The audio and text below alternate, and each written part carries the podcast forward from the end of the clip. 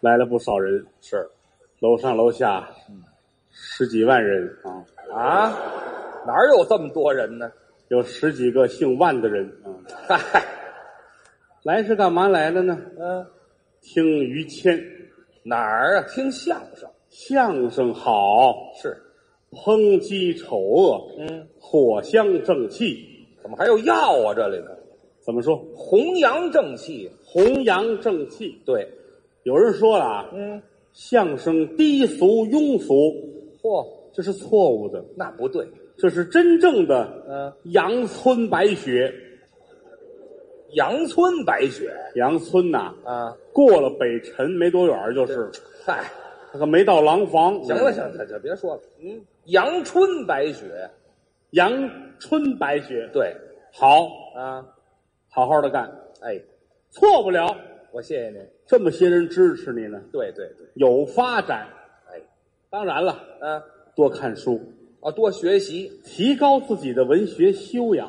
那一定那一定，相声演员嘛，啊，从小学艺的居多，是他没有按部就班的去上学，幼儿失学，他跟我们是有区别的。您我们这个上完大学的，嗯然后搞学问呐、做研究啊，哦跟说相声的不一样。哦 啊，嗯您还上过大 学？对，我喜欢念书，哦我也喜欢看文章，是是我也喜欢上网。哦我对您我很关心，是吗？我我有时候在网上查您的资料，啊，网上有我不少的文章，我还上过你的嫖课。您还上过我的嫖课，对，那咱得另干姐们儿了吧？这个 博客知道吗？不说八道里的，废话，上博客上上过博客，哎啊不，博客啊， 看过您写的东西，是我发现网上好多人都点你，怎么这么别扭啊？这句话，好些人都点我对，啊。那您告诉他们，我不出台。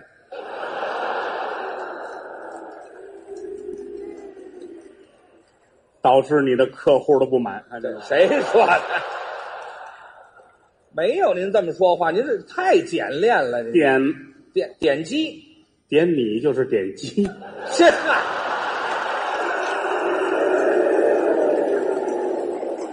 这讲不清楚了，这是讲不清楚了，这怎么回事？太乱了。这个你说什么说点击率，您不知道吗？怎么还绿呀、无率？这你就看这个没上过学的人，他跟咱们怎么比？这行了，你我们这咱个上过大学的人，侃侃而谈；这没上过学的人，他就是素质不一样。这么些年，嚯我们搞这些个学问，哦我们当然是这门儿也是很寂寞。哦，那搞学问来说吧，他首先是说你先不你要先有一个等一会儿清醒的头脑。啊，是那个您还上过大学对，啊？ 哈哈哪个大学毕业的？嗯，搞学问这些年来说吧，嗯，确实不容易。没因为理什么我呢们外界的繁华你看不到，不是，你要一咱不心一说意繁华，咱先不说繁华那事儿啊啊啊呃，哪个大学毕业的哦。啊？ 搞学问的这些年吧，我们也确实是很辛苦，因为什么呢？你要我下哦没问您辛苦不辛苦啊啊！我问您话，您得回答我呀。哦，你说你说是那个您是哪个大学毕业的呀？说完了吗？说完了，该我了。您说吧。哈 啊，搞学问的这些年吧，因为你要他搞学问，他不是搞破鞋，你知道吗？废话嘛，这不是？我们先你这不先先搞学问啊，呃，后搞破鞋是吗？不是，然后也搞学问。您就别说学我问们的以事儿搞学问为主，搞学啊问为，主搞啊破鞋为辅。你这讨厌你这人，您说的，您你不说话很肮脏，你知道吗？呃肮脏啊！很肮肮脏。哎呀呵，我就就就想弄清楚这事儿，您哪儿学的呀？您这是看出来了吧？啊，说相声人的素质很低下。怎么低下他呀？嫉妒能人呐，怎么嫉妒他了？瞧见人家上大学，他恨呐。他没上过大学，那他倒是心里其实也想：哎呀，我上大学多好是，或者我爸爸上过大学，我多痛快啊，是吧？哎别别往那么说，行不行啊？他看别人上大学，他嫉妒。那我问你甭跟我弄这套，你一张嘴我都能看见你内裤上的花儿，哎，哎呀呵，知道吗？跟我弄哎嗯这呀个，我这人太直爽了，我这知道人吗？我告诉你，做人要有一个很平和的心态。我没不平衡，人要大度一点，别这样没意思。我怎么了？自古常言说的却好啊海纳百川，有人乃大，知道吗？哪儿有这话呀？这个心胸宽别广，说了，有人奶大。您说那是黄金甲知道吗？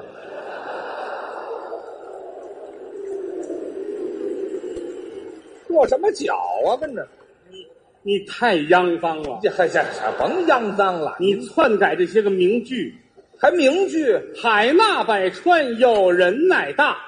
有容乃大了，有容乃大，无欲则刚，这么句话知道吗？有容乃大，啊，有容是谁媳妇儿？哎啊，非得是一女的是吗？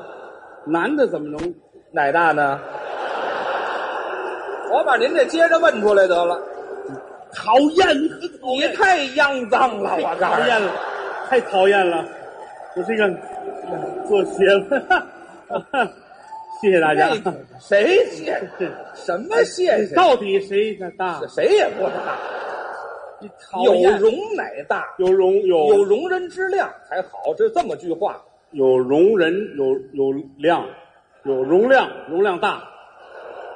这讨厌，你说这个，咱们说点这有学问的话行吗？你说的我都饿了呢。哎呀呵，我还真没想到您一直吃到这岁数，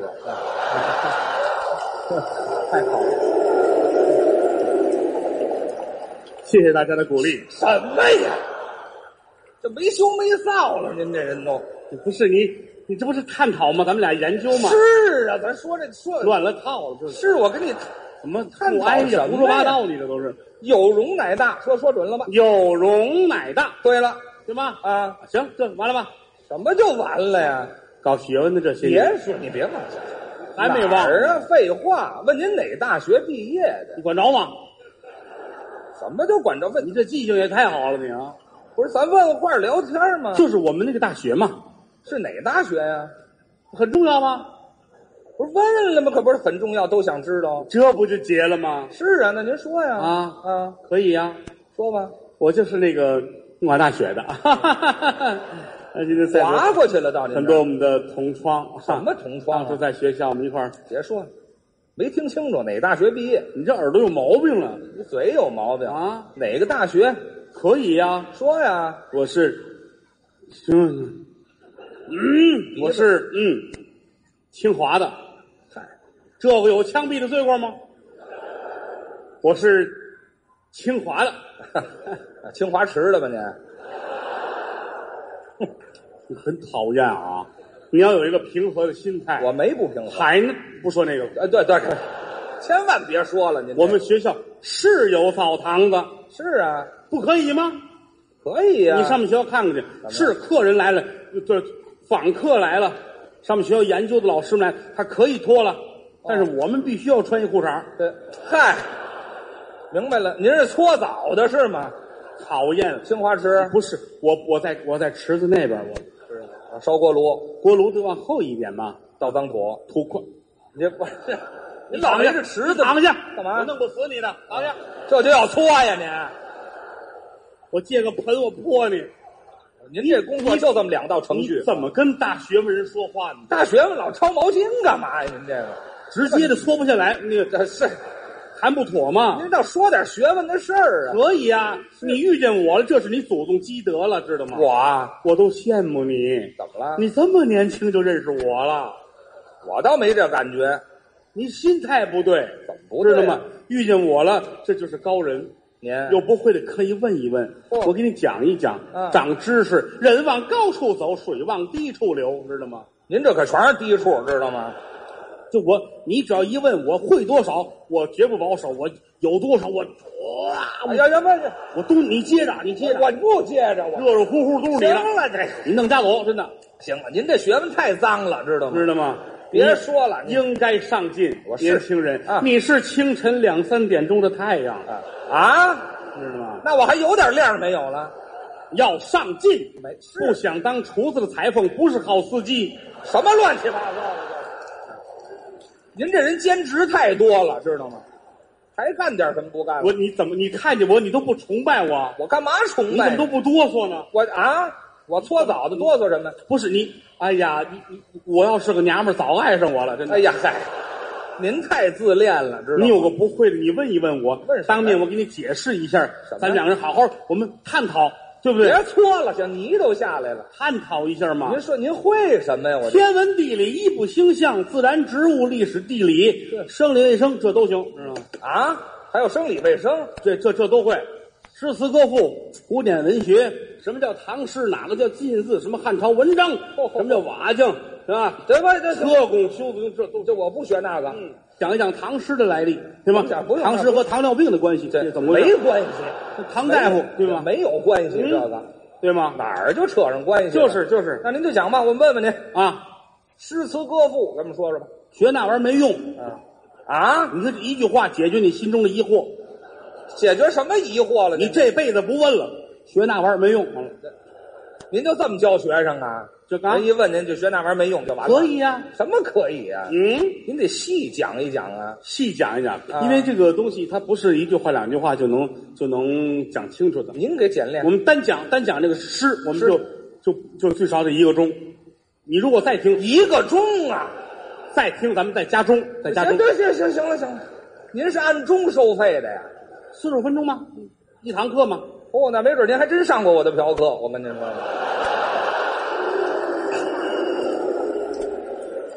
于谦乃大，你去，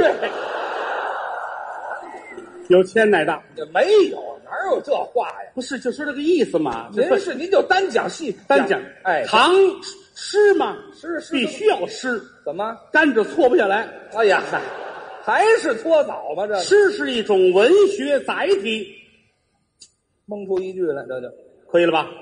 什么就可以啊？就说这么一句就行了。诗嘛，你啊诗就是那个几句几句，就是咱们总说几言几言的，对吧？几言的那个那个绝句，这个东西都啊绝句，绝句，绝，句嘛，对啊吗啊？一言绝句，你啊看这个对吧一言绝句，一言绝句，归了包堆四个字儿，我们看什么呀？你看有容乃大，这哎对对，咱别提这个了，行吗？啊，一呃就是几言绝句都有吧？是是，唐诗这诗太多，你不用都学，你背背来，啊，没有那么会一首走遍天下，会一首，背着啊。会哪首？窗前明月光，疑是地上霜。举头望明月，我叫郭德纲。哎嗨，有人一问你就说这个，多露脸。我说这管什么用？不是我名字，改改把它改了。怎么改啊？窗前明月光，疑是地上霜。举头望明月，郭德纲。对哎，活学活用了，占便宜。打一打一个比方，打一个比方，词呢？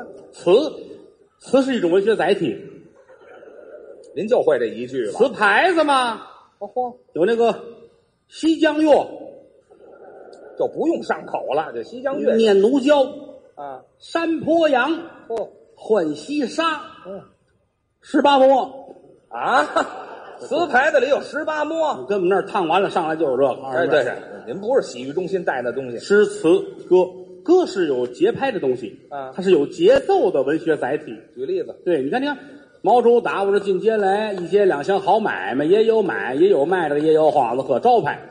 您还要过饭我们不要饭，啊？我们要钱。哎，一样是这就是要饭的东西。诗词歌赋，不赋啊，就是我，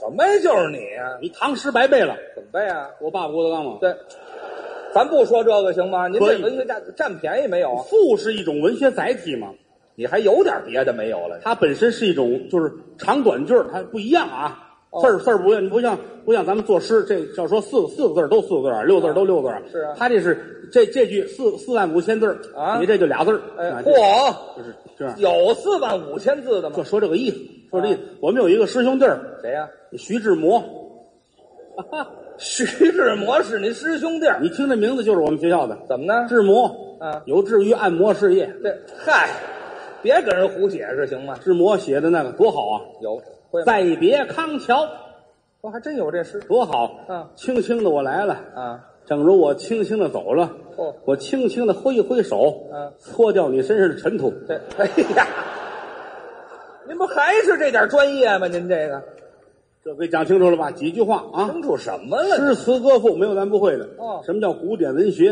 了如指掌。他全知道。翻译的小说，嗯现代的散文，嗯四大文学名著，在我心中上下叨腾翻腾，我吐点儿给你看看，别去别去，糟践东西了，您你这睁着点儿，我给给你，我称什么呀我？你看还四大文学名著，倒背如流，还倒背如流。正背也如流，倒背也如流，四大名著拿过来，从头一篇啊，啊，再版前言到最后定价、刊物表全能背。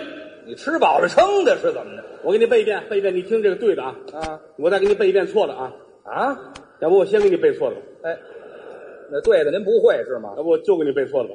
这也只能背错的吧？四大名著，行了，嗯您也别背，您给我们讲讲吧。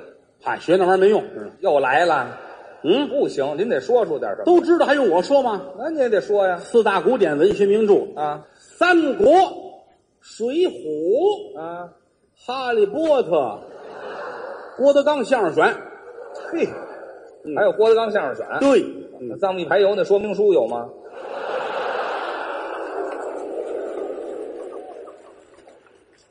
藏秘排油，我挣完钱就忘了哦，啊。哦，那就那就是我我我刚才说错了，当然，这四大名著没有郭德纲相声选，是有这藏秘排油，哎没有，四大名著没有，有这没有没有这没，有藏地排油那，就是《三国》《水浒》跟《哈利波特》，也没有哈利波特。就《三国》《水浒》啊那这俩怎么算四大名著呢？你不识数你啊！废话，俩您没说后边那我个问你几个？四大名著那就《三国》《水浒》《藏秘排油》《哈利波特》，没有哈利波特，那有《藏秘排油》呗？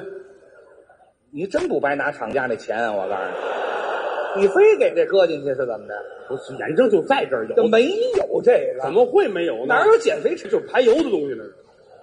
我没让您解释这要理，知道吗？啊没有藏秘排油，没有你买去，谁拦着你？哪儿买去都下架了。您这玩意儿，您不知道抢购一空了呢？这是没有啊？见好听的说呢，不你有没有啊？没有藏秘排油，没有藏秘排油啊？对就《三国》《水浒》《哈利波特》对也吗，没有哈利波特，也没《哈利波特》啊？是《三国》《水浒》《红楼西游》，这完了吗？对吗？对了对了，啊，哎呀，对了，哎嘿，您蒙上来的是吗？没想到啊，《三国》《水浒》《红楼》《藏秘西游》，对没嘿，这四没有，你干嘛非加藏？你不刚说有，你又说没有呢？西游西游？谁说西游排油嘛？你听不懂人话呢！我就不够跟你们着急的，我告诉你们，你做了病了是怎么着你？我做了代言了。呀嘿呀，谢谢大伙儿，什么呀是？我一人给一盒，给一盒。哪儿啊？就给一盒啊？你是你怎么回事？您这怎么了？这是满嘴里全是这个？您谁说这这这有没有嘛？没有啊？没有啊，没有啊，没有这藏秘《没有藏秘啊，《西游记西西游记》》啊，啊？三国》《水浒》《红楼》《西游记》。对呀《西游记》上面还有行小字儿，啊，唐三藏的秘密，对藏秘。哎呀，我告诉您，有点亏心了，知道吗？我亏什么心呢？我废话，你老提它干嘛？你说那你四大名著四大呢？名著啊，《三国》《水浒》《红楼》西游藏西西游没有藏秘，你就《西游记啊，西游西游西游啊，》啊？四大名著，是啊，行了吗？这你痛快了吧？我痛快管什么呀？这不结了吗？对对吧？吧？都知道啊。三国这还有人说吗？说说吧三国、泰国、韩国、印度尼西亚、行了，刚果、布拉柴维尔行，这哪儿啊？啊，哪儿那么长的名字呀？都四国了，您这个有有一个备用的吧？干嘛呀？万一你给 K 出去呢？我干嘛逮什么 K 什么呀？哈利波特你还给 K 出去了呢？这藏地排油我还给 K 出去了呢，哦，那就是短了，那就是短了。什么短了呀？啊那有一个都没有，您说这你个说这三国哪儿？三国魏蜀吴这里边还有河北省的方言呢。哪儿有河北省方言？啊我这说三国，他这魏蜀吴，霸县的这是啊，唐二李来的这哎是。呀呀呀呀！文安县，文安，哪儿那么你多问你问南甘甘肃吗？别别说了，魏蜀吴，哎呀，哪儿还弄出这么一疑问句来？还魏蜀吴？他刚说魏蜀吴，你对吧？什么呀？绝对霸县文安雄县这一块儿得的，了得了得了，绝对。魏蜀吴，魏蜀吴这么三个国家，三国呀，魏蜀吴，这太像了，这太像了，别琢磨那太个像了。了，你那个嘴有毛病，琢磨点正事儿哎有。毛病。你这嘴，你嘴太舌头太肥，真的，你说话不利索。么舌头你你来点藏蜜喝吧，真的。别提这，一喝就好还推销呢你？嗯，三国啊，魏蜀吴，对呀、其实大伙儿最熟悉，像刘备、哎，关羽、这不完了？张飞，啊，桃园三结义，你瞧，哥仨一个头磕在地上，跟亲哥们似的。那就对了。站起身来，哥仨保着唐僧西天取经，《嗨，要我乱了红楼梦》有这段，啊？爷儿四个骑笤帚，啊，还有哈利波特呀，这里。猪八戒抹平大肚子，对呀，这这这这，全查到一块儿了。您这会个，的太多了，是。别说这个这了，对不起大伙儿啊，这三国我闹不清楚了，啊，闹不还清楚是了。就说这么闹。当然，人没有十全十美的，实话实说啊。说点实话你吧，看这个，包括《红楼梦》，你要说我研究过吗？咱们也研究过，啊但是没研究透，还是不懂。都不如于谦儿的媳妇儿研究的透。嗨，于夫人大伙儿没见过，漂亮着呢，说这个，好看，嗯人有人才，文有文采。我觉得嫂夫人能撑得起，跟四大美人儿相提并论。哦，哪四位啊？貂蝉、哦，苏三、杜十娘，归了包堆说仨，里边还俩妓女，梁红玉，那也妓女从良的呀，这是。那把貂蝉拿出去，把嫂子搁上吧，别偏了，凑四个嘛。你光凑四个管什么呀？这个不是，我就想形容一下，嫂子漂亮，好看，还能写字儿还能画画，是，哎色艺双绝，别说这色艺双绝干嘛呀？京中头牌您这别这大这才女，行了，大才女。您这都不是形容良家妇女的话，知道吗？嫂子按照《红楼梦》的笔法，啊结合自身的工作经验，嗯，写了一个《红楼梦》的姊妹篇《叫什么？青楼梦》。啊，我媳妇儿干什么工作的？这是？后来这书不让卖了，那是再版之后换了个名字。叫什么了？我在潘庄的日子，对，去。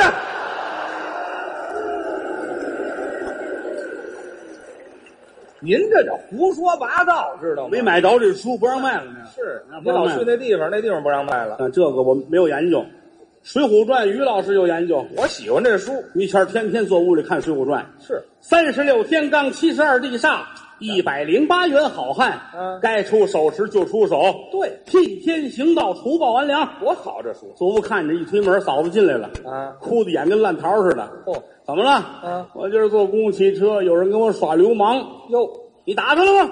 嗯，没敢。哦，大声的喊了吗？没敢。怎么逢这个事儿就喊。干嘛？ 《水浒》上写着了，嗯该出手时就出手。哦，人间有好人，嗯你一喊就有人出来帮你忙，哎，那倒是，打那个流氓。对。